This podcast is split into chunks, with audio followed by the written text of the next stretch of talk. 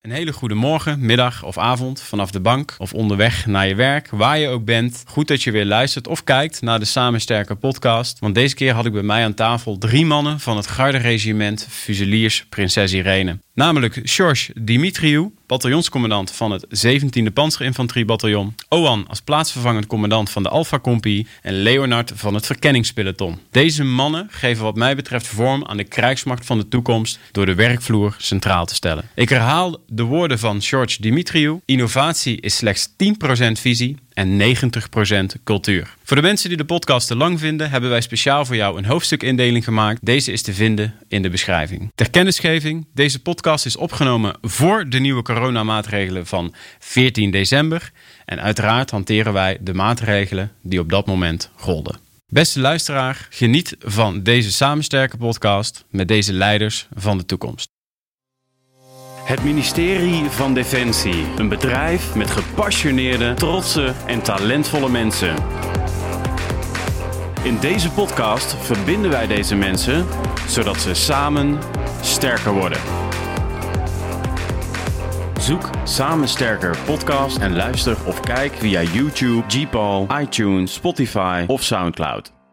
Nou, welkom uh, Dimitriou. Hier aan, tafel Oan en uh, Leonard aan de achterkant. Um, ja, en vul mij aan. Hè. Um, ik ben blij dat ik het geluid van de werkvloer trouwens weer even mag belichten. Want ik heb heel veel mensen van de top hier ook gehad. Dus ik ben heel blij dat, uh, dat hier mensen van de werkvloer zijn. En deze keer oud-collega's, dus het voelt ook heel warm. Niet directe collega's, maar wel van dezelfde eenheid. Dus ik moest, moest, let op. Ik moest even deze, deze meenemen. Dus die dragen jullie nog steeds, toch? Dat is toch gewoon traditie, hè? Dus um, het fuselierskoord, hè? Dus eigenlijk uh, hier vandaag vier fuseliers uh, aan tafel. Dus uh, met trots wilde ik deze even weer uit de kast halen. Dus um, zodoende. Heb, heb, je lang moeten zoeken, Danny? Of, nee. Ik neem dat deze gewoon... Nee, dat is gewoon een doosje met, met betons, medailles en allemaal trotse dingetjes. Dus, hey, um, ja, vandaag een, een podcast denk ik wel over sociale innovatie op de werkvloer. hoe kunnen we een cultuur creëren waar uh, het innovatief vermogen van de werknemer, de potentie volledig benut wordt. Um, zou dat een, uh, een, uh, een mooi streven zijn, denken jullie? Ja, zeker. Ja? Ja. ja? Hoe gaan we dat doen? Gaan we dat gewoon even doen? Of? Ja, zeg het maar. erover spreken of bedoel je? Of hoe gaan we dat, hoe gaan we dat regelen? Ja, hoe gaan we dat regelen? Ja. Gaan we dat morgen, morgen regelen met elkaar? Nee, nee. Ik, we hebben natuurlijk als, uh, als landmacht en ook denk ik wel als krijgsmacht hebben we, hebben we best wel goede ideeën over waar we naartoe moeten met elkaar. We hebben een mooie defensievisie. Dat zie je denk ik ook op het gebied van, uh, van nou, bijvoorbeeld sociale veiligheid met gedragscodes, een, een theatervoorstelling, vuurdoop. Maar de kern is natuurlijk, en daarom is het inderdaad leuk om nou, inderdaad hier, en ik kijk dan vooral naar jullie, uh, wat mensen van de werkvloer uh, te hebben. Want hoe gaat dat dan uiteindelijk leven op de werkvloer? Mm -hmm.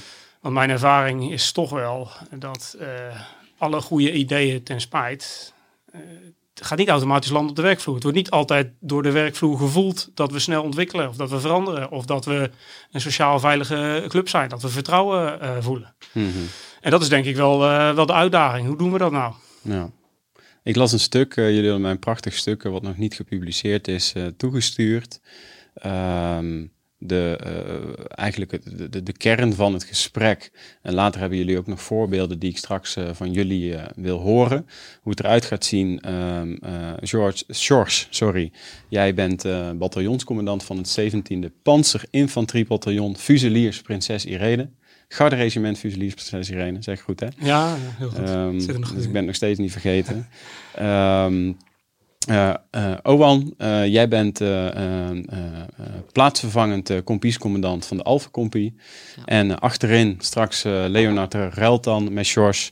Um, jij bent eerste luitenant bij het verkennispeloton van het 17e.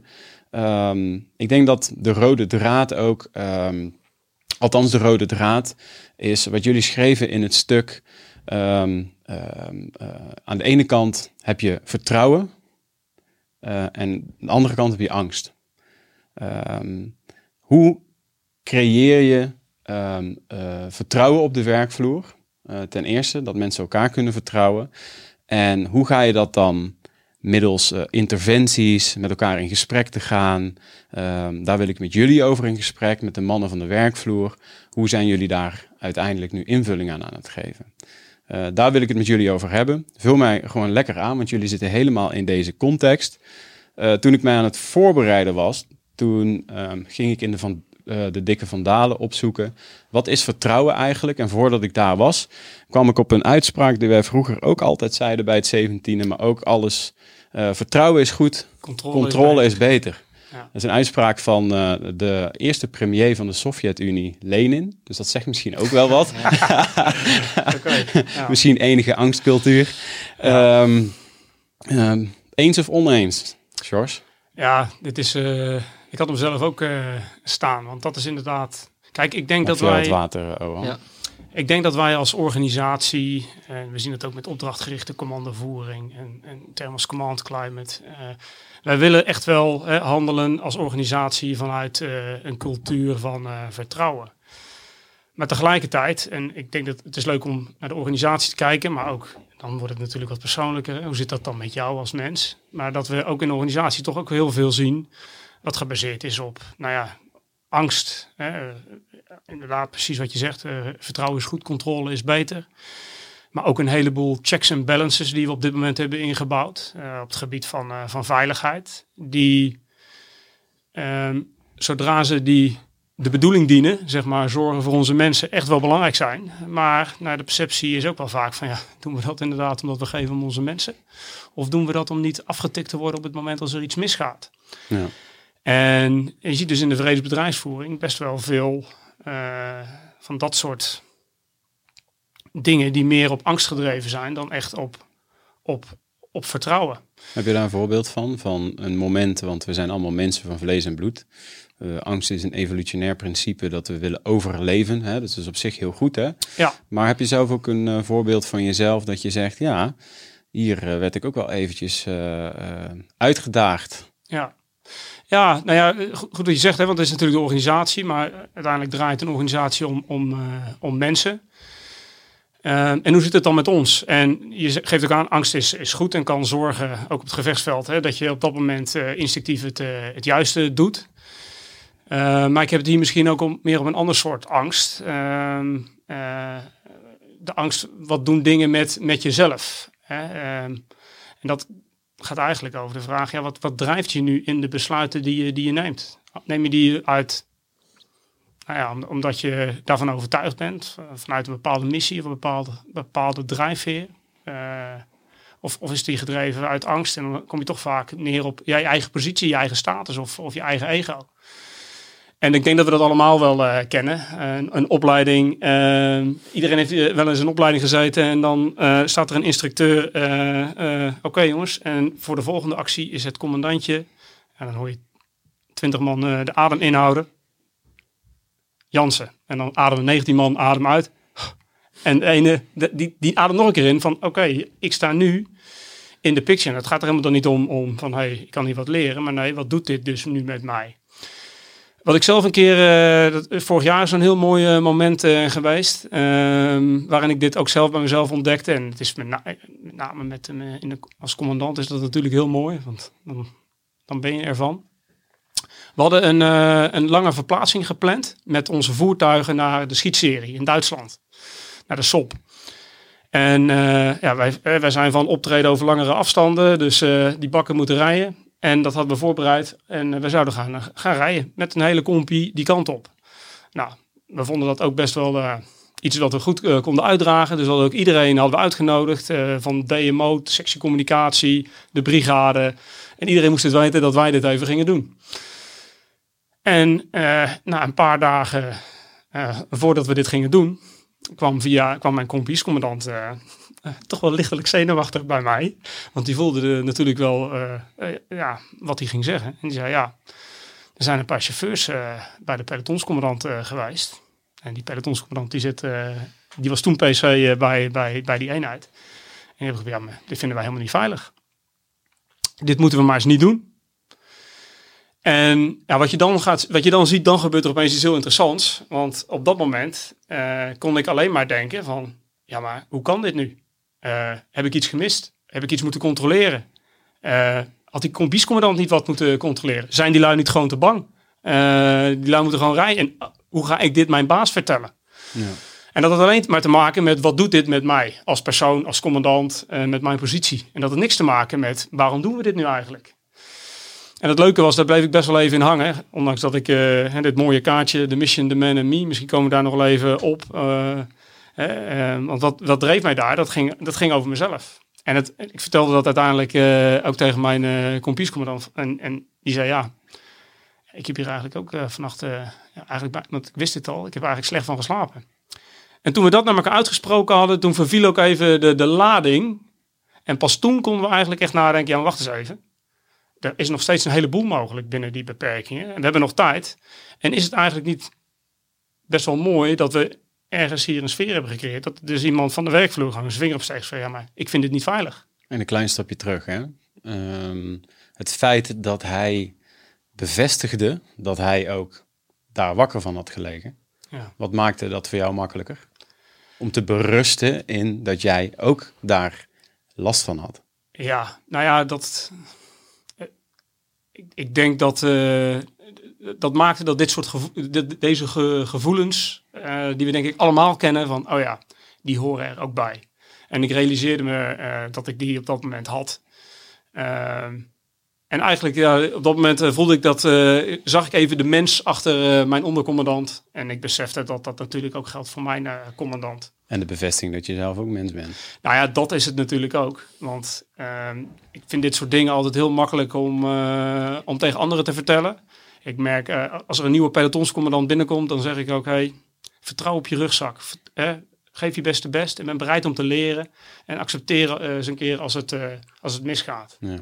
Maar ja, voor jezelf is dat vaak toch net wat ingewikkelder. Hey, um, we hadden het er al even eerder over, ook in het voorgesprek. Um, uh, het vergt nogal wat moed om ook nee te zeggen. Uh, in het dagdagelijks leven, in, in, je privé. Nee zeggen is voor heel veel mensen in deze snelle wereld heel moeilijk. Zeker als de belangen uh, om de hoek komen.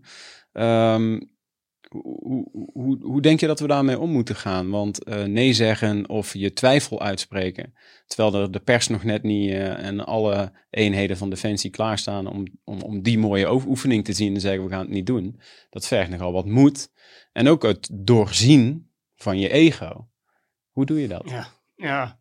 ja dat is het zeker. Want het is natuurlijk nu een mooi verhaal, maar op dat moment uh, vond ik het helemaal niet zo'n mooi verhaal. Um, ja, inderdaad, uh, het, het, vergt. Nou ja, ik denk dat het in de eerste plaats een stukje zelfbewustzijn vergt. Want iedere leider heeft wel eens buikpijn. Maar de vraag is, wat doe je daarmee?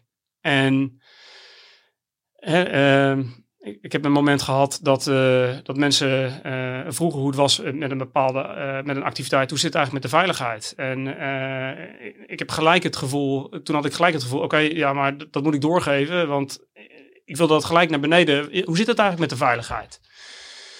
Maar toen bedacht ik me opeens van, ja, maar waarom doe ik dat? Dat doe ik omdat ik misschien wel bang ben voor de gevolgen of wat ik daar hoor. Of wat, en, en met name ook weer voor, voor mezelf dus. Waar was je bang voor? Nou ja, um, Stel dat het niet in de hand is. Stel dat ze het anders doen dan dat ik uh, misschien uh, vind dat het moet.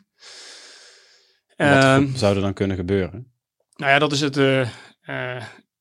het mooie aan deze vraag. Want als je dan vervolgens drie keer waarom, wat, wat zou dan, dan kom je uiteindelijk op, op mijn positie. mensen die wat van mij vinden. En dat zelfbewustzijn, van waar gaat het eigenlijk om? En dan kom je er eigenlijk op het moment, wacht even, mijn commandant en ik, wij hebben heel veel gesproken over de bedoeling. Over waarom we dingen doen. Mijn commandant begrijpt mij. Dus ik moet, hier, ik moet hierop vertrouwen. En dat betekent dus in de eerste, in de eerste plaats denk ik uh, de, de buikpijn uh, zien. En uh, vervolgens ja, daar niet direct op, op handelen. Maar op de bedoeling, op de missie, op wat we met elkaar aan het doen zijn. In plaats van in de angstmodus te schieten en, en te gaan zitten controleren. Want, mensen, mensen ruiken dat, hè? mensen voelen dat op een gegeven moment dat ze gecontroleerd worden. En op het moment dat ze dat ervaren en dat voelen, dan stoppen ze ook met dingen proberen, uh, fouten maken, uh, experimenteren. En dat is juist volgens mij wat we met z'n allen zo belangrijk vinden nu. Hè? Uh, Dat we ook nodig achten. En als mensen niet het gevoel van vertrouwen hebben, ja, dan, gaan ze, dan gaan ze de hoepeltjes springen. en volgens mij is dat, dat nou net niet wat we met z'n allen nodig hebben. Ik had hier natuurlijk onze PCDS onder Eigelsheim in de podcast, hadden we het net ook over. De conclusie van de podcast was eigenlijk durf oncomfortabel te zijn. Um, dus uh, mag je buikpijn hebben? Is mijn vraag aan jou. Ja, absoluut. Ik denk dat, zeker als commandant, ik weet gewoon echt, de ontwikkelingen gaan zo snel. Ik weet niet wat er op, op de werkvloer gebeurt. En ja, daar, ik, kun je af en toe buikpijn van krijgen. Maar de crux zit er maar in, hoe ga je daarmee om? En ik denk dat wat we in de vredesbedrijfsvoering, uh, hoe we daarmee omgaan, dat, dat heeft ook zijn weerslag op, uh, op operaties. Ik ben ervan overtuigd, jonge leiders, als het erom gaat, dan gaan ze de startlijn over. En dan komen ze in een compleet nieuwe situatie. Die ze niet, ze niet, die ze niet herkennen. En ze proberen contact op te nemen, misschien met het hoge niveau. Geen verbinding. Nee, nee. Dan verwacht ik van ze dat ze binnen het oogmerk, dat ze zelf gaan handelen. Ja. Dan moeten we daar denk ik wel, uh, ja, dat begint, dat begint hier en nu op de kazerne. Ja, ja. Jij schreef, hè, uh, jullie schreven um, over um, drie begrippen: missie, mensen en dan me, oftewel me. Ja. Um, daarin gaf je aan dat we soms als we vervallen in het ego, correct me if I'm wrong, dat we het me voorop zetten. En um, uh, hè, dus wat je eigenlijk aangeeft, die angsten, niet die volgende positie uh, bereiken, niet die volgende rang, um, um, afgunst, uh, mensen die jou niet goed genoeg vinden, al die dingen die ons raken, dus dat is ons ego, ons zelfbeeld ja. raken eigenlijk. hoe ben je daarop gekomen? Missie, mensen dan, pas me. Ja, uh, ik heb het niet, uh, zelf verzonnen, dus ik moet wel een beetje de copyright uh, gaan vermelden. Want dit is eigenlijk de titel van een boek. Um, maar wat dit in me aangewakkerd heeft, is ooit eens een, een moment dat ik een, toen was ik nog een jonge officier en ik hoorde daar een oudere officier. naar aanleiding van, was een, een mooie opdracht geweest, die was heel succesvol geweest. En ehm, dat verhaal werd verteld en die officier die probeerde eigenlijk ja, van, ja, zichzelf eigenlijk eh, daar uh, te positioneren. Ja, maar dit heb ik eigenlijk geregeld en ik een belangrijke bijdrage uh, geleverd. En die was daar heel erg bezig met zichzelf daar te positioneren. En, toen dacht ik van, wat gebeurt hier? En ik was eerst boos op die, die persoon. Ik denk, wat, wat zit jij toch te profileren? Maar toen dacht ik van, ja, maar wacht eens even. Dit is misschien wel die, dit ligt misschien wel dieper, want we zijn nou eenmaal ook een cultuur uh, waarin spiegeltjes en kraaltjes en beretemblemen en kleurenberetten en gevechtsinsignes, twee jaar op functie en daarna door en liefst wel een hogere rang. En toen dacht ik van ja, wacht even, is, ligt dat nu aan die persoon? Of is dit misschien wel een beetje, ook wel een beetje onderdeel van onze bedrijfscultuur? En toen keek ik ook wel naar mezelf. Ja, maar wat doet dit dan met mij? Want als ik dan uh, over een, een, paar jaar verder, en ik was toen ook net aan het nadenken over de hoge defensievorming, en waarom, wat maakt mij dan daarin anders? En dat zet me wel aan het denken. En toen las ik dus net het boek over uh, de missie, de mensen en, en mezelf, de mission, the man and me. En dat ging specifiek over deze vraag. Ja. En ja, dat, daar heb ik wel, uh, en, en daarin heb ik wel, daarvan heb ik wel geleerd van ja, wacht even. Uh, je ego speelt op. En me, dat, wij, zijn eenmaal, wij zijn nou eenmaal mensen. Dit is ook gewoon niet zo wat uh, volgens mij uh, in ons uh, zit. Maar je hoeft daar niet altijd naar te handelen. Nee, dus nee. hoe herken je dat? En, en, en, laat je je drijven door je missie. Of het nu van bataljon is of je persoonlijke missie. In plaats van je eigen ego. En dat is niet altijd makkelijk. ik heb mezelf ook wel eens betrapt op dat die piramide even omgekeerd was, ja. Maar hoe draag jij dat uit? Want ik ga dadelijk met, uh, met uh, Leonard en met uh, Owen in gesprek. Um, in mijn optiek, hè, vanuit mijn belevingswereld, ik snap in het gevechtsveld en het heetst van de strijd, dat dit een supergoeie manier is. Want je gaf ook aan, hij hangt boven mijn bureau. En elke keer als ik mezelf betrap op, dan kijk ik er weer eens naar. Supergoed. In mijn beleving is die eerst omgedraaid. Is het eerst me, uh, dat klinkt heel egoïstisch en wat bedoel ik daarmee? Is dat je leert om eerst je eigen ego te doorzien en te doorleven, voordat je pas die volgorde aan kan houden. Want dan stel je jezelf dus ondergeschikt aan uh, de missie. Want de missie moet voorgaan op het moment dat daar mensenlevens van afhangen. Hoe heb jij dat gedaan? Um, Want het vergt nogal wat. Dat ja. ik nu met. Uh, ja. uh, dat was in mijn tijd bij het 17e, denk ik nog niet echt. Uh, je stelt jezelf kwetsbaar op. ja. Je, je, je, ik wil het zo ook van Owan horen wat je ervan vindt. Kun je er vast over nadenken. Mhm. Maar ik zit hier met een bataljonscommandant. Jij stuurt hoeveel man aan? Als we gevuld zijn, uh, nou, we nu ongeveer 500 mensen. Ja. Normaal gesproken iets meer. Ja. Ja, dus deze oud-corporaal zit met een bataljonscommandant. Ja. Vroeger stond ik in de houding, stond ik echt... En nu zit jij hier in alle kwetsbaarheid te vertellen waar het wat mij betreft over gaat. Een stuk kwetsbaarheid is in mijn optiek dapperheid. Uh, uh, want dat vergt nogal wat moed. Uh, maar mensen volgen jou wel. Ehm, ik zit hier met twee mannen die, die, die, die, die, die, die... Hoe doe je dat? Hoe doorzie jij je ego en hoe kijk jij elke keer weer in de spiegel?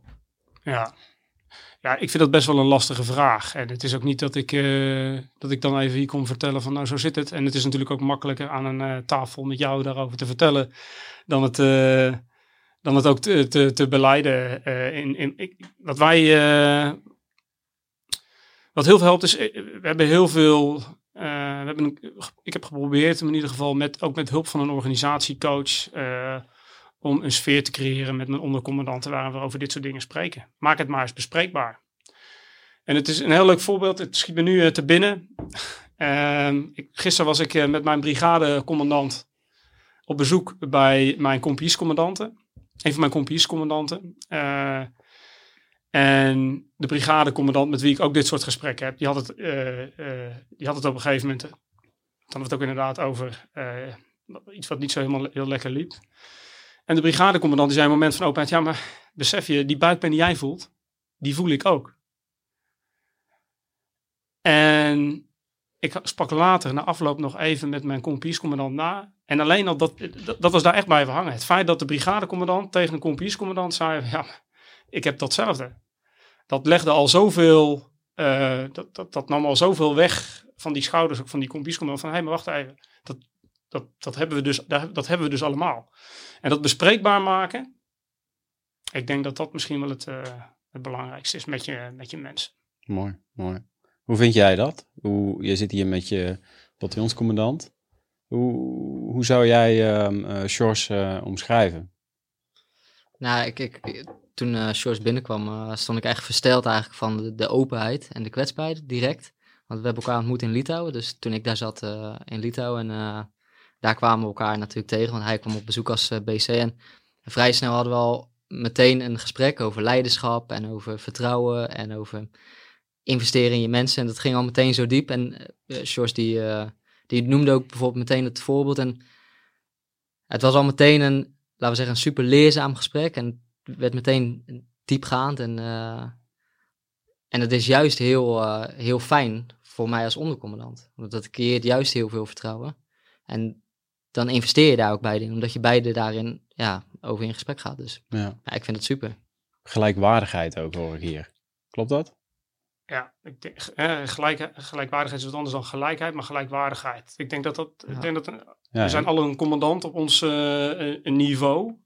En uiteindelijk worstelen je toch met dezelfde, met dezelfde dingen. Maak het maar eens bespreekbaar. Want daar gaat, daar gaat het uiteindelijk om. En ook uiteindelijk in een, uh, in een gevechtssituatie. Ja, ja. Ik heb een klein cadeautje voor jou. Oh. Voor jullie eigenlijk, maar in dit geval uh, uh, moet ik toch shorts even benoemen. Ik hoop dat het uh, qua techniek gelijk gaat lukken. En anders dan, uh, wat ik anders even doe, dan monteer ik hem later nog in. Um, ja, het is altijd gewoon echt podcasten, hè? Ja, verbonden. Mooi. Filmpje. Jullie kunnen hem later terugkijken. Duw maar op play.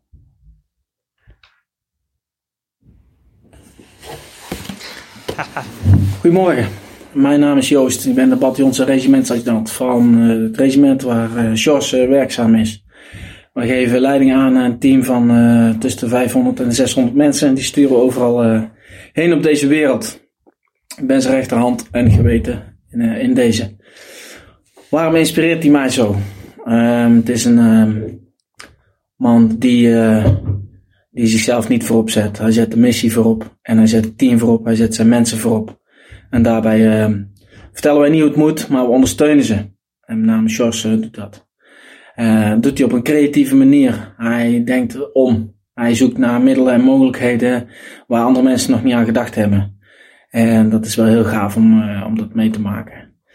Um, hij motiveert ook mensen. Hij is ook een karttrekker. Hij loopt altijd voorop. Hij zal altijd zelf het voortouw daarin nemen. En als het eenmaal loopt, doet hij een stapje naar achteren en stapt hij in de ondersteunende rol. En vraagt hij wat mensen nodig hebben. Dat is gaaf als je dat kan. Dat vergt ook moed. Want soms moet je dus een ballon om je mensen heen zetten, zodat ze dat in veiligheid uh, kunnen doen en hun doelstelling kunnen halen. Um, en dan geeft je het gevoel dat je aan boord bent. Uh, en dat je mag zijn wie je uh, wil zijn binnen de doelstellingen die, die we samen weg hebben gezet. Met name samen, want hij verzint ze niet zelf. Hij laat ze ook nog uit de mensen komen binnen de kant die we op willen. Dat is fantastisch. Heb ik nog niet eerder meegemaakt op deze manier. Um, hij is een jonge, jonge leider. En uh, ik volg hem uh, daar waar hij heen gaat. En uh, dat gevoel geeft hij me ook. Dus kan je, dankjewel. En zet hem op. Ik hoop dat ik genoeg bij elkaar gelogen heb. Zo. Geintje. Groetjes. Hi. Stapje voor de sfeer. Hey, wat gaaf. Ja, nou ja. Ja, beter hem kunnen nodigen. Ja, hij zegt het mooi. Ja, nee. Ja. ja. Vond je ervan? Ja, mooi. Uh, Eigenlijk wat Owan ook uh, zojuist al zei, hè? Ja, ja tuurlijk. Kijk, uh, wat dat betreft... ik weet nog de dag dat ik hoorde dat ik bataljonscommandant werd. De, en die avond mijn maatje Ron van 42 BLJ, die hoorde het op dezelfde dag. En die, ja, die avond met z'n allen dronken we een biertje. En we waren blij en de volgende dag weet je wakker. En denk je, oh, pff, ik voel me eigenlijk nog steeds pelotonscommandant. Maar ik zit nu echt straks op het bureau van de BC. Ja. Dus wat dat betreft, ja, uh, je, je, ook ik geef mijn beste best en, uh, en probeert te doen wat ik denk dat goed is. En dan zijn dit soort woorden natuurlijk fantastisch om, Ja. om, om te horen, zeker van hem. Ja, Mooi. ja. Ervaren rot in het vak. Ja, Joost. Joost, zeker. Joost eh, met Joost ben ik 14 jaar geleden, realiseerde ik me, Ja, ja, naar. Derawood geweest. En ik had Joost van de week s s'avonds onder de lijn. Dus dat was wel echt even heel bijzonder. ja. Dat eh, had ik natuurlijk ook helemaal niet aanzien komen. Dus dat maakt het weer bijzonder. Hè? In zo'n bedrijf van eh, zo'n 50.000 man. Dus heel tof, heel mooi. ja, echt een zeventiende man. Ja, Ja, toch? Absoluut, ja, zeker. Ja. Dus hey, zo langzamerhand wil ik eh, Leonard aan tafel krijgen. Want eh, ik ga me even richten nu tot, eh, tot jullie, Leonard en eh Owan. Ik ben eigenlijk ehm, heel erg benieuwd ehm, ehm, ehm, eh, hoe jullie praktisch invulling geven. We hadden het erover, hè? leren leiden vanuit vertrouwen. En ruimte geven aan passie en aan talent binnen een veranderende context. Jullie zijn mannen van de werkvloer. Jullie maken dagdagelijks eh, dingen mee. Dus ik ben eigenlijk heel benieuwd, hè? Hoe, hoe, hoe maken jullie, en brand los wie er los moet branden van jullie twee. Ehm, hoe maken jullie gebruik, of proberen jullie gebruik te maken van het volledige potentieel van de mensen ehm, in, jullie, in jullie eenheid? Hoe, doen jullie dat? Ja, ik wil even nog even terug naar het voorbeeld wat uh, net George ook aanhaalde hè, over de kolonnenverplaatsing. Uh, die we moesten doen. Dat, ja, dat creëren van dat vertrouwen, dat is hoe George dat richting ons doet. Ja, dat probeer ik op mijn niveau richting mijn, uh, mijn mannen te doen. En uh, ja, dat vertrouwen creëren, dus gewoon weg in gesprek gaan. Ja, Mhm. dan kom je eigenlijk al heel ver mee. Want uh, ja, het feit dat ze durven uitspreken naar mij, ik heb hier geen vertrouwen in dat we die verplaatsing gaan doen. Ja, daar krijg je inderdaad buikpijn van. En ik had ook heel veel buikpijn om dat dan vervolgens te gaan vertellen. Ja.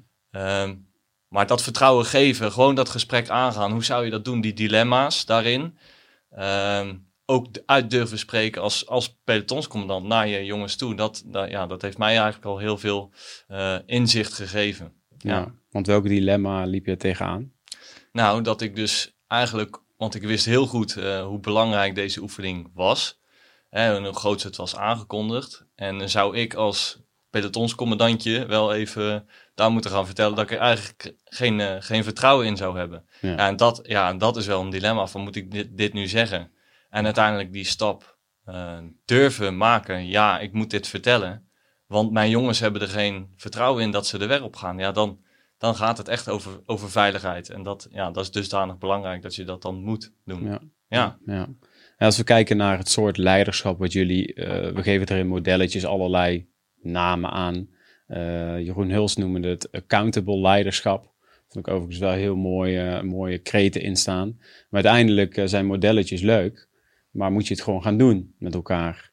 Um, hoe ziet dat eruit op de werkvloer? Hoe, hoe geven jullie, uh, hoe laten jullie de mensen, ze zeggen wel eens de beste versie van hunzelf zijn. Hoe doen jullie dat? Nou, als eerste probeer ik eigenlijk de afstand te overbruggen tussen, uh, tussen mensen die binnen de compagnie werken en ik. Dus ik, ik, probeer ik vooral niet te denken dat zij voor mij werken. Ik werk eerder voor hun als second en dus ook te maken met de logistiek en dat soort zaken. En we hadden het ook in het voortraject over, bijvoorbeeld over voornamen is al zo'n zo'n dingetje. We hebben natuurlijk normaal gesproken te maken met rangen. Maar dat creëert al automatisch een bepaalde afstand. Ja. En als ik juist met mensen wil werken en ik wil dat zij in bepaalde situaties tegen mij zeggen van, oh, want dat werkt niet. Dan moet ik dus als eerste mijn best om die afstand te overbruggen. En dat doe je al met voornamen, maar ook door ze af en toe uit te nodigen van, hey, wat vind je hiervan? Of, uh, en dan als ze een keertje feedback geven, ook niet meteen met counterargumenten komen, of, maar gewoon eens luisteren. En dan uh, bijt ik af en toe maar op kaak. En natuurlijk, vanuit mijn gevoel kom ik meteen met alle argumenten waarom het zo is. Maar dan probeer ik in ieder geval te reageren met, hey, fijn dat je hiermee komt. Want dan kunnen we het in ieder geval iets mee, mee doen of bij jou uit de lucht halen waarom het is. Maar ja. Dat is dus een heel concreet ding, die afstand overbruggen. En we, we zitten toch nog wel redelijk in het rangensysteem. En daar, ja, ik probeer meer te kijken naar rollen. Iedereen heeft zijn rol binnen mhm. de compie. Ehm, en op die manier proberen we samen te, probleem, of te werken aan het probleem. Ja. Dus dat is al één dingetje die ik probeer toe te passen. Ja, ja. ja want in, in, het, in het heetst van de strijd verwacht je ook van, een, uh, van, ook van die soldaat of van die corporaal dat hij jou gewoon advies geeft. Want hij zit op dat moment in die situatie. Dus ja, je moet, die afstand die moet zo kort mogelijk zijn. Hij, hij moet durven zeggen wat hij ervan vindt. Want hij is op dat moment, uh, heeft, is misschien wel op dat moment heeft de beste SH om, om, dat, uh, om dat te doen. Ja, ja. Ik, ja. ja nee, ik, ik ik vond het wel grappig, we hadden het net over uh, vertrouwen is uh, uh, goed, controle is beter. Ja. Maar ik heb toch wel een beetje het gevoel dat het ook uit de tijd komt waarbij we een peloton hadden. En dan lag mijn peloton lag op linie en dan kon ik alles overzien. En dan kon ik ook alles controleren, sectoren. Maar tegenwoordig, ja, we zitten heel anders op te treden. En nu heb ik bijvoorbeeld een corporaal die leidinggevend is over een fireteam. Die heeft daar zelf zijn radio. Die mhm. moet daar zelf kijken van wanneer ga ik mijn hindernissen stellen, wanneer ga ik vuursteun aanvragen. Die moet daar complete integratie, manoeuvre, fusie en genie. Klinkt heel moeilijk, dat is ook bewust, want het is ook heel moeilijk. Maar ik kan daar niet zelf bij zijn. Ik kan hem niet controleren. Ik kan hem alleen maar van tevoren heel goed opleiden. En heel, heel, veel vertrouwen geven dat hij dat uiteindelijk daar doet. Maar dan moet hij dus ook in staat kunnen zijn van dat werkt niet. Of dit werkt niet. Of, eh, dus het is, het is aan het shiften. En, en we hebben dus een andere verstandshouding nodig. En veel gehoord argumenten natuurlijk van ja, in het gevecht hebben we wel uiteindelijk nodig dat dat er uiteindelijk een beslissing genomen kan worden. En we hebben niet altijd tijd voor discussie. Maar daarom spreken we ook over rollen. Omdat de rol is duidelijk. En als ik uiteindelijk zeg, we gaan het zo doen, einde discussie. Dan is het einde discussie, dan gaan we het zo doen. Dan doen we gewoon die rangen allemaal af vanaf nu. Ja, ik zou voorstander zijn. Ja? Ja. Hoe ziet de wereld er dan uit? Want uh, het pak, hè, jullie omschreven het al heel mooi in dat stuk. Uh, mensen worden beoordeeld op uh, hun DT, hè, het ja, dagelijks tenue, waar alle, alle rangonderscheidingstekens, betons en medal, medailles zitten er allemaal op. En dan zie je eigenlijk iemand zijn hele cv. En als je er iets minder hebt, dan hoor je er al niet meer bij.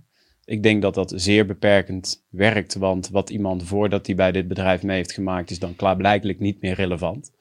Ehm, maar hoe ziet dat er dan uit? Lopen we dan allemaal in een um, in een uh, blanco tenue en kijken we elkaar gewoon aan, zeggen we van goh, waar ben jij heel goed in? Uh, En dan gaan we het zo op die manier doen.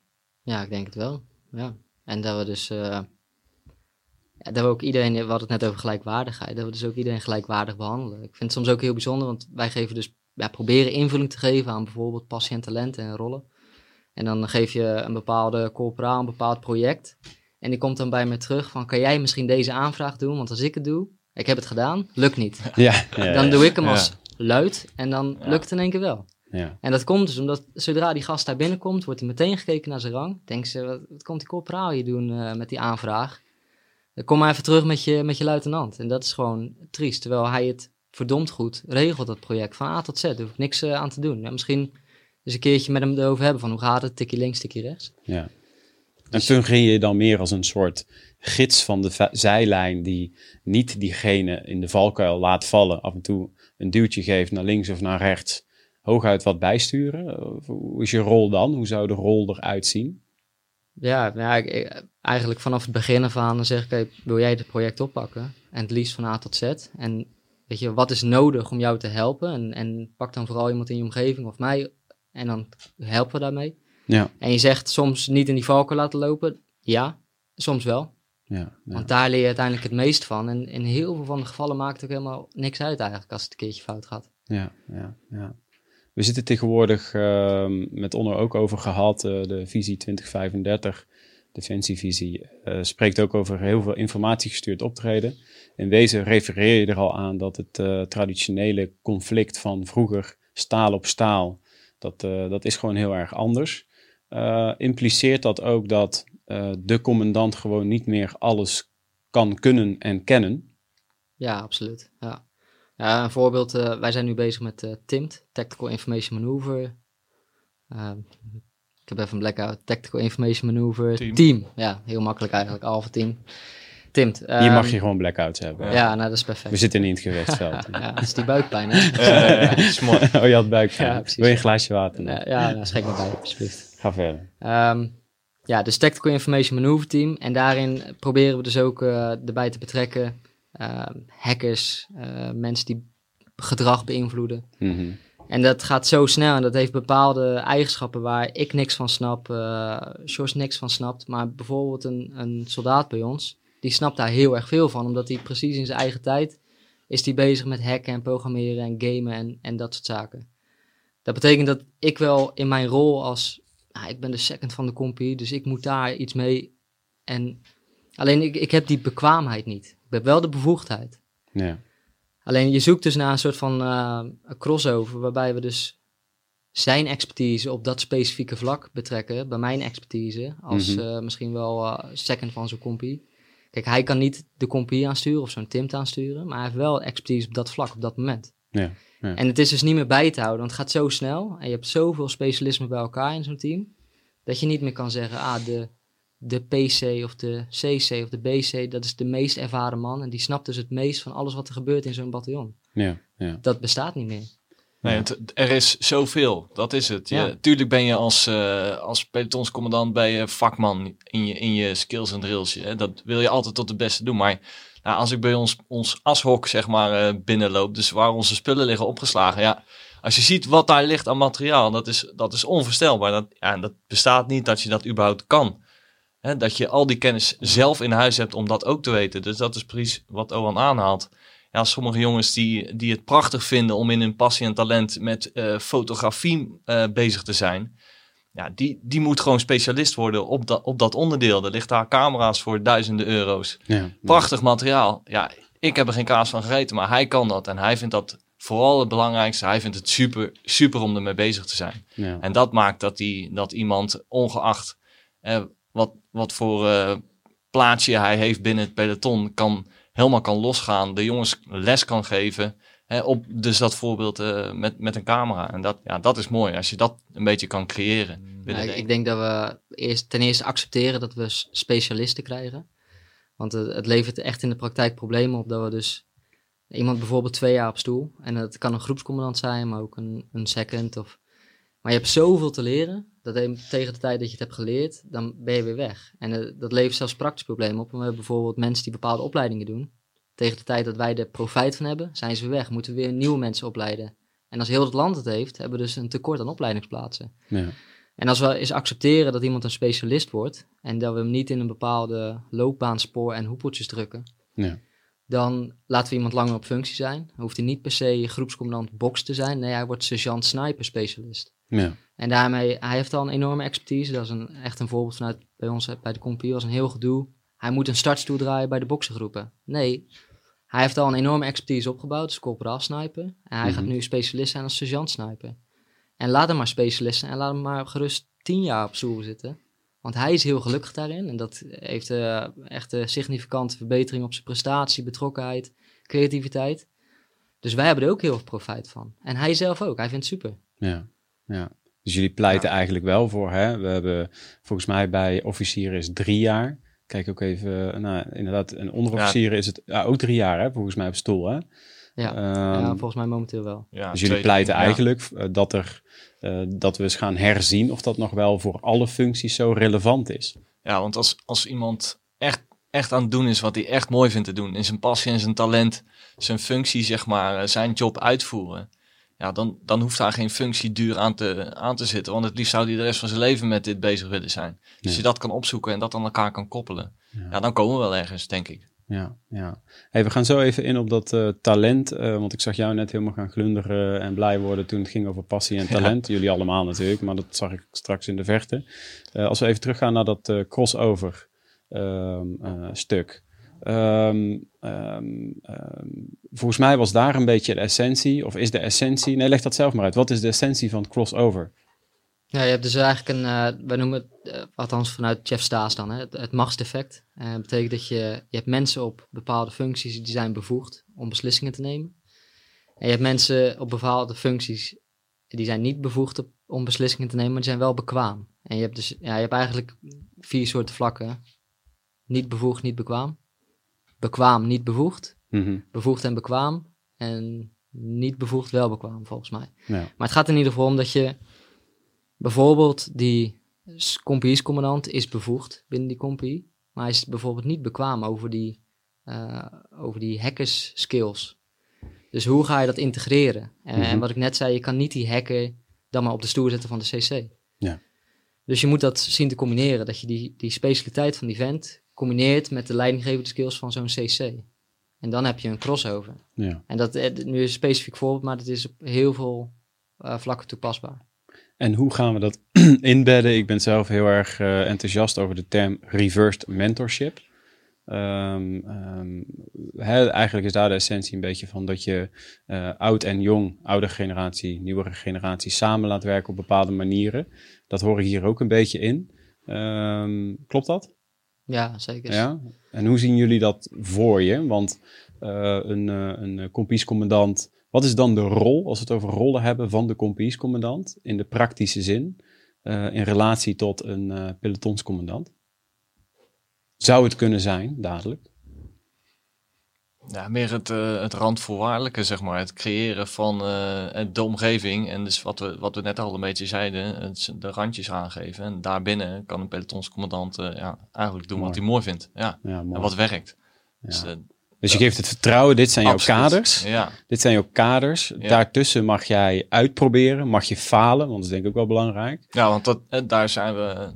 Zo, zo zit het ook in elkaar. En zo is het. Ja, we zijn hartstikke veel aan het, eh, aan het trainen. Dus er zijn, er zijn mogelijkheden om gewoon eens... eh, ja, gewoon af en toe eens fouten te maken. En dat is juist goed. Want dat Ja. weten we, daar leren we van. Ja, ja, ja. Hey, en, en eh, als we het hebben over eh, passie, talent, zingeving, authenticiteit. ehm, welke vragen stellen jullie aan, eh, aan de mannen en vrouwen? Vrouwen bij jullie of niet? Ja, zeker. Ja? Oké, cool. Ja. cool. Welke, welke vragen worden er vaak Ja, wat- gesteld? Wat, eh, wat mooi is om te doen. Ik heb een tijdje, eh, vrij recent ook nog maar eh, een soort experiment ben ik mee begonnen. Om na te denken, oké, weet ik eigenlijk wel van iedereen wat nou überhaupt zijn passie en zijn talent is? Dus ik heb eh gewoonweg de vraag gesteld. Wat is nou je passie? Wat vind je nou echt prachtig om te doen? En waar vind je, en waarvan denk je ook nog dat je goed in bent? Zet dat in niet meer dan 100 woorden op papier en, en stuur dat naar me toe. En ik heb dus een passie- en talentenlijst binnen mijn peloton. En die is nu dat is een groeiend document. Jongens die sturen gewoon eh, van alles naar me toe. En wat het mooie is, het, het maakt niet uit wat daar dus eh, in naar voren komt. Hè. Dat is binnen het werk, maar ook zeker buiten het werk. Een mooi voorbeeld is iemand die aangeeft dat hij helemaal wild is van Formule 1.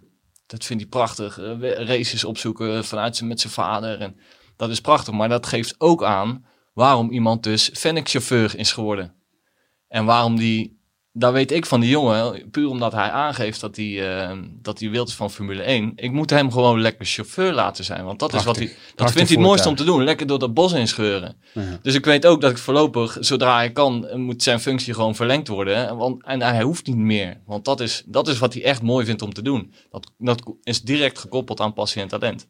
Dus het simpelweg de vraag stellen eigenlijk, begin daar maar eens mee. Wat, wat is nou eigenlijk, eh, ja, wat is je passie en wat is je talent? Ja, Heb je die bevoegdheden ook om dat te kunnen doen dan?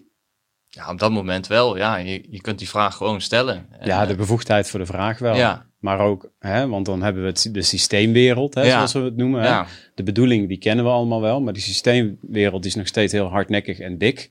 Ehm, heb jij dan ook de bevoegdheid? ehm, dan ga je met Shores in gesprek, bijvoorbeeld. Maar eh, eh, heb je dan ook de bevoegdheid om te zeggen, dan hou ik die op functie? Eh, ja, deels wel, maar deels eh, ja, kom je dan toch wel weer uiteindelijk in de hokjes terecht waarin we nu zitten. En dat, ja, dat zou wel anders kunnen. Wat zou jouw boodschap dan zijn? De organisatie in zijn algemeenheid. Ja, laat, laat iemand alsjeblieft doen wat hij mooi vindt en laat hem daar niet in functieduur aan gekoppeld zitten. Ja, Ja. Ik Denk het wel, ja. ja, ja. ja. Hey, ehm, waar we het ook over hadden, ehm, uiteindelijk gaat het over waar je het nu over hebt, ook wel eh, authenticiteit. Hè? Dus eh, we noemen het ook wel eens congruentie. Hè? Dus doet iemand, eh, is iemand congruent, doet hij hetgene wat, hij ook, wat ook bij hem of haar past? Ja, dat is het. En authentiek zijn, hè? dus eh, ze zeggen wel eens tabula, tabula rasa, het onbeschreven blad. Dus waar werd jij heel blij van? Pak vooral lekker wat water. Waar werd jij blij van eh, toen je kind was, eh, toen je opgroeide, et cetera? Nou, je komt erachter Formule Mag ik ook een 1. beetje? Je komt erachter Formule 1 eh, eh, racen bijvoorbeeld. Ehm, het is nogal wat, eh, ben ik zelf achtergekomen. Kijk, we worden hier gewoon bataljonscommandant die hier gewoon ons een beetje verzorgt van... eh, lange introductie, maar wat ik probeer te zeggen en jullie wil vragen is ehm, het doorzien van je ego. Hè? Dus eh, jullie hebben ook je angsten en de keuze maken. Ik ga iemand langer op de functie zetten. Ik Mhm. besluit dat. Wat er met mij gebeurt maakt me niet uit. Het gaat om de mensen eerst. Voor me. Voor mij. Ehm, dat vergt ook dat jullie je ego ook doorzien. Ja, Ehm, jullie zijn relatief jong, denk ik. Ik weet Ja. niet hoe oud jullie zijn. 28. ik 28, ook. Ja, 28 jaar oud. Ja, Eh, sommige mensen ehm, hebben best wat live events nodig om zichzelf een paar keer goed tegengekomen te zijn. mhm. En binnen Defensie ehm, word je al vrij vroeg eh, word je een leider gezien als een leider. Dan moet je het kunnen. ja. Wat doen jullie eraan om je eigen ego te doorzien? Om op basis van vertrouwen keuzes te maken en niet op basis van angst? Grote vraag, sorry. Ja, ja. Dat is, dat is denk ik de kern ook. Dat is de kern eh, waarvoor ik toen dacht, toen ik naar de KMA ging. eh, ik wil leider worden. Eh, ik wil leider worden op basis van vertrouwen en respect. En niet op basis van de ster op mijn schouder. En ja, dat, dat eh, verwezenlijken, ja, dat is, dat, ik denk dat dat een bepaalde moed is. Maar vooral moed om inderdaad jezelf even aan de kant te schuiven. Wees gewoon eerlijk. Je weet het niet immers allemaal. Of je hebt ook dilemma's. Je bent ook maar een mens. Ja. Als, als leider ben je ook maar een mens. Dus die, het, de moed hebben om jezelf kwetsbaar op te stellen. Als je dat een beetje kan, af en toe. En dat uitspreken naar je mannen. Heb ik al in ieder geval altijd het gevoel van dat je daar het, het verste mee komt. Ik aan zelf aan probeer eh, om, om dat te creëren is, is dat je dus investeert in jezelf. En daarmee bedoel ik, pak gewoon, zorg dat je voldoende momenten pakt om te reflecteren. En dan, dat klinkt weer een beetje eh, vaag, maar ik, doe af en toe cursussen bij ECLD. En de inhoud van de cursus maakt niet eens zoveel uit. Maar het is in ieder geval dat je weer even twee dagen jezelf beschouwt. Dat je weer wat handvatten krijgt van oké, hoe doe ik dat zelf? Ik lees een hoop boeken en dan word je ook weer geïnspireerd. Krijg je weer wat handvatten mee. Overal neem je wat mee uit. En ik vind ook, ik, ik vraag een hoop om feedback. Dus dan is een keertje een 360 graden feedback. Of eh, heel veel momenten inbouwen van oké jongens, hoe vinden we het gaan? Soms heb ik eens een keertje bij het peloton. deed ik een complimenten en een verbeterronde. Dus dan moest iedereen van iedereen twee complimenten en twee verbeterpunten.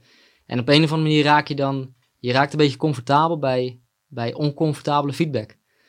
En als je dat maar vaak genoeg krijgt, dan word je ook weer met twee poten op de, op de aarde gezet. Omdat je dan een hoop dingen hoort die heel anders beleefd worden als dat jij het had bedoeld.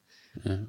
En, en daarmee leer je ook jezelf verbeteren. En je, leer- je leert ook van, ah, eh, nou, het gaat helemaal niet zo goed als dat ik zelf dacht. Ja. Ehm, en en, en dat, is, dat is juist heel goed. En, en dat je juist dat kwetsbare durft, eh, ja, durft open te stellen, dat maakt je alleen maar weer sterker, vind ik. Ja. Dus Ja. het grappige is dat ik, als ik vaak om me heen kijk naar andere PC, als second heb je een beetje de rol om PC te begeleiden. En degene met de grootste bek en de, de meest autoritaire stijl van, eh, van leiding geven, dat vind ik vaak de meest onzekere jongens. En dat geef ik dan ook mee. Van, nou ja, volgens mij is het, komt het juist voort uit onzekerheid. Dan ga je daar dus een schild op werpen, ga je hard roepen en eh, ik ben hier de PC. Ja, Ja, de terwijl controle. je weet niet alles. De Ja. controle. En ik heb het zelf ook eh, gehad. Dat ik, dat ik binnenkwam en veel autoritairder was dan dat ik nu ben. Juist omdat je niet weet hoe je het gaat doen als PC. En ja, toch een beetje onzeker ben. Ja, dan dan, dan Ja. ga ik maar harder roepen. Dan, dat is, ja. Dus het is heel menselijk. Dus eh, je moet investeren in jezelf om daarachter te komen. Ik ben het oneens met bijvoorbeeld het huidige beoordelingssysteem. Waarin de commandant alleen maar wordt beoordeeld door zijn hogere commandant. En het is heel simpel, vind ik, om een goede leidinggever te zijn op basis van wat je hogere commandant van je vindt. Want dan, dan dans ik gewoon naar de pijpen van die commandant, zeg ik heel veel ja en dan knik ik een hoop en dan ah, doe ik het supergoed. Ja. Het is veel lastiger om een goede commandant te zijn. Kijk, voor je alleen je onder of een lagere niveau is het ook heel simpel. Want dan, eh, ja, dan, dan probeer je een populaire commandant te zijn. Dus het, het lastigste is, ben ik een goede commandant voor zowel mijn hogere als mijn lagere niveau. Ja. Dus daarom heb ik ook, ben, ja, ik was benieuwd naar wat vindt nou mijn club van me. Om daar weer van te leren. Dus ja, dat is, dat is, ja, dat is gewoon het hele, Ja. het is allemaal heel lastig in ieder geval. Ja. Wat lees niet de je? status quo Wat lees je? Van alles. Zoals? Ehm, ja, nu Corporate Rebels. Maar dit Ja. van, eh, Van George gekregen. Ja, precies hetzelfde. Ja. Ja, heel Mooi. goed. Mooi, Ehm, mooi. McChrystal, eh, Jeff Staes. eh, Heel gaaf. Ja. Ik vind het, we gaan langzaam een beetje aan het einde kabbelen. Ik vind het echt super vet waar jullie mee bezig zijn. Eh, veel herkenbaarheid en ook heel veel eh, inzichten hoe jullie dat aanpakken. Ook echt moedig wat jullie doen. Hè? Wat je net al zei, het is nog zeker niet zo, eh, zo gebruikelijk. Nee. Maar ik denk inderdaad, eh, als je jezelf soms onzeker voelt en je zegt, je geeft net aan, ehm, ehm, ik voel me soms een beetje anders. eh, denk ik dat we ook wel aan kunnen, kunnen nemen dat heel veel andere mensen dat ook wel zo voelen. Dus als jij er dan vanuit jouw leidinggevende positie toch al een behoorlijke positie bereikt, ehm, eh, het voorbeeld kan zijn voor de mannen en de vrouwen op de werkvloer. Dat doen jullie. Dat is ook de reden waarom jullie in deze podcast uitgenodigd zijn. eh, en waarom Sjors eh, jullie aangedragen heeft, denk ik, omdat jullie daar een goed voorbeeld in zijn. Dus thanks daarvoor. Ik wil zo nog wel heel eventjes, eh, want ik heb nog één of twee vragen voor Sjors. Ik wil nog heel even een wissel met jullie twee. Tenzij jij nog even een laatste woordje wil dichten aan, aan de collega's van, van Defensie. ja, dat is lastig. Wat, wil je, wat wil jij de. Wat zou jij graag mee willen geven aan de toekomstige leiders van de toekomst? Ja, ik, ik denk voornamelijk dat je dus niet meegaat in het kuddegedrag. En dat je dus ja, actief bezig bent met de, met de ideeën die jij vindt. En, en daar dus voor blijft strijden. En dan wel zo dat je dus niet tegen die burn-out aanloopt. Want dat is dan heel... Dat ligt echt op de loer dan. Dus je moet dat goed in balans houden. Mhm. Maar we hebben dat wel nodig. Want als we dus dat niet doen... En wat je ook een hoop ziet... Maar dan blijven we maar hierin hangen. Ja. En ehm, ja, ik vind het een beetje lastig, want er wordt nu best wel de laatste tijd gepusht op, eh, het moet ook bottom-up eh, komen. Ja. Maar als je dat dan wil, dan moet je, ja, dat is een, een lang gevecht. ja. Dus ja. ja, en hoe meer collega's eh, afwijken van het kuddegedrag en, en het grappige bij het koffieautomaat, dan vinden we het allemaal. ja. Maar zet dat maar eens om in actie. Ja. Dus eh, ja, wat dat betreft eh, hoop ik dat mensen dat meer gaan doen. Ja. Ik denk dat, eh, nu richt ik me tot jou, ik denk dat je goed op weg bent, man. Dus eh, ga zo door en inspireer mensen. Ja, thanks. Dus eh, thanks. En hoe is dat voor jou? Ja, ik denk... eh, Wat zou voor jou een, een, een, een, een, een, een I have a Dream speech zijn? Ik denk, eh, als, als ik zou mee, iets zou mee moeten geven aan toekomstige leiders die, eh, als ik naar mezelf kijk een paar jaar terug, starten als commandant, durf, kijk gewoon elke dag in, in de spiegel en, en ga het gesprek aan met je jongens, want vanuit hun komt het. En je moet het samen met elkaar, met je peloton of met je eenheid, moet je het, eh, moet je het rooien. Dus Ja. ga gewoon in gesprek en durf, je, durf jezelf daarin kwetsbaar op te stellen. Je bent de pelotonscommandant, tuurlijk. Ze kijken tegen je op. Ja. Maar jij, jij bent er voor hun. Ja. Je dien- die dienbaarheid, ik denk dat dat het belangrijkste is. De voor je kerels zijn. Gaaf. Ja. Er voor elkaar zijn. Juist. Uiteindelijk. Ja. Yes. Thanks. Jij ook bedankt. Jij ook? Hey, en ehm George, ik was jou gewoon eh, twee vragen vergeten te stellen. Niet helemaal vergeten trouwens. Ik vond het wel leuk eh, om even een rondje aan het einde te doen. De boodschap die jullie hadden. Ehm bataljonscommandant nu. Ehm, als alles mogelijk zou zijn, hoe zou dan de ideale wereld eruit zien? Ehm, misschien is het goed om uh, dan weer even... Want zijn, dit zijn natuurlijk best wel... Tenminste, zijn mooie dingen, denk ik, die we besproken hebben vandaag. Maar uiteindelijk uh, weer even terug naar uh, de bedoeling. Want waarom vinden we dit dan zo uh, belangrijk? En wat willen we hier dan mee bereiken? Uiteindelijk is de belangrijkste drijfveer toch van mij en voor, voor het bataljon klaar zijn voor het gevecht van vandaag en morgen. Daar gaat het uiteindelijk om. En ik denk dat dit daarvoor nodig is. die basis van vertrouwen. Om inderdaad, als we die startlijn overgaan, dat mensen zelfstandig het vertrouwen voelen en nemen om de dingen te doen die, die juist zijn. Maar ook omdat we op dit moment met de landmacht, met de krijgsmacht, er verandert zo. De veranderingen gaan zo snel. En mensen, het is niet meer op school of in een cursus. Mensen hebben op allerlei manieren mogelijkheden om te leren en om zichzelf te bekwamen. En als alles mogelijk zou zijn, ja, dan, dan hoop ik op een sfeer, en dat gun ik ook iedereen, waarin we de potentie van onze mensen uh, ten volle benutten. Want ik denk dat dat is hetgene is wat we hiermee willen. Om klaar zijn voor het gevecht van vandaag en morgen. Waarin we vechten met kleine zelfstandige uh, clubjes die zelfstandig moeten besluiten. Ja, hebben we, iedereen nodig. En iedereen die moet het vertrouwen voelen om uh, daarin, te kunnen, daarin te kunnen handelen. En dat begint vandaag al. Wat ga je daar zelf aan doen?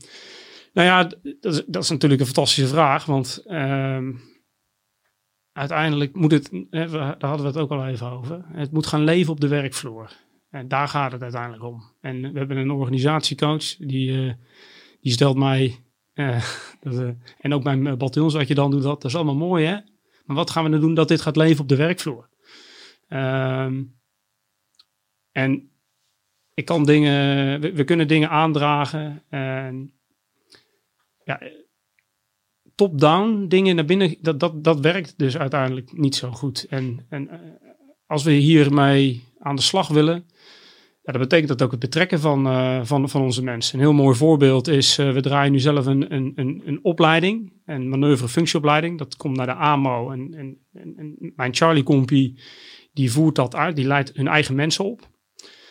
En die kompiescommandant, die heeft, ja, oké, we hebben een bedoeling. We willen graag samen professional worden. En in plaats van toe te geven aan zijn buikpijn, nou goed, dan ga ik dus even voorschrijven hoe we dat gaan doen. Heeft hij besloten om te zeggen, prima, we gaan met alle kaderleden, ook corporaals en enkele fusilier die daar leiding aan geeft, gaan maar eens bij elkaar zitten als dan de bedoeling is samen professional worden. Hoe gaan we dat dan doen? Ja, het mooie is dat je dan als commandant, uh, in dit geval hij dan ook zoiets heeft, het continu het gevoel van, ja, maar het moet toch wel de kant op gaan wat ik wil. En er gaat, het gaat toch wel iets worden wat past binnen hetgene wat, wat ik voor ogen heb. En uiteindelijk kom, kom je er dan uit dat het eigenlijk iets veel mooiers is. Um, wat je uiteindelijk voor ogen had. Maar vooral belangrijk, het is niet zijn plan, maar het is ons plan. Ja, en ja. dat maakt dat het gaat leven op de werkvloer. En als je dat dan ook ziet gebeuren vervolgens, ja, dan is dat denk ik heel mooi. Want daar gaat het uiteindelijk om. De soldaat moet het voelen. Ja. En anders dan blijft het iets uh, tussen commandanten. Dat is allemaal hartstikke leuk. Mm -hmm, mm -hmm. Maar daar gaat het uiteindelijk niet om. Ja. Wat hebben jullie tot nu toe, um, uh, dan richt ik me tot jullie beiden, wat hebben jullie tot nu toe al bereikt met jullie uh, manier van leiderschap? En ja, jullie zijn hier hoe lang mee bezig nu? Met deze filosofie, Jeff Staes, um, het gesprek wat we nu voeren, ongeveer?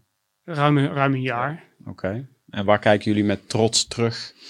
Um, om de mensen toch even kijk eens hoe het zeventiende bezig is geweest. Ja, nou dat is trouwens ook wel belangrijk, want heel veel dingen die we doen, dat heeft vooral te maken met het feit dat we dingen samen uh, doen. Hè. Uh, we, hebben hulp van een organisatiecoach, dat information maneuver, dat wij bieden het platform waardoor, and, waardoor we met andere, bijvoorbeeld SEMA, maar ook het CMI-commando en andere partners, dat, dat doen we echt samen. Dus dit is zeker geen uh, verhaal van het 17e. En ook, uh, wij krijgen de ruimte van onze commandanten weer, dus dat is echt wel, uh, wel breder.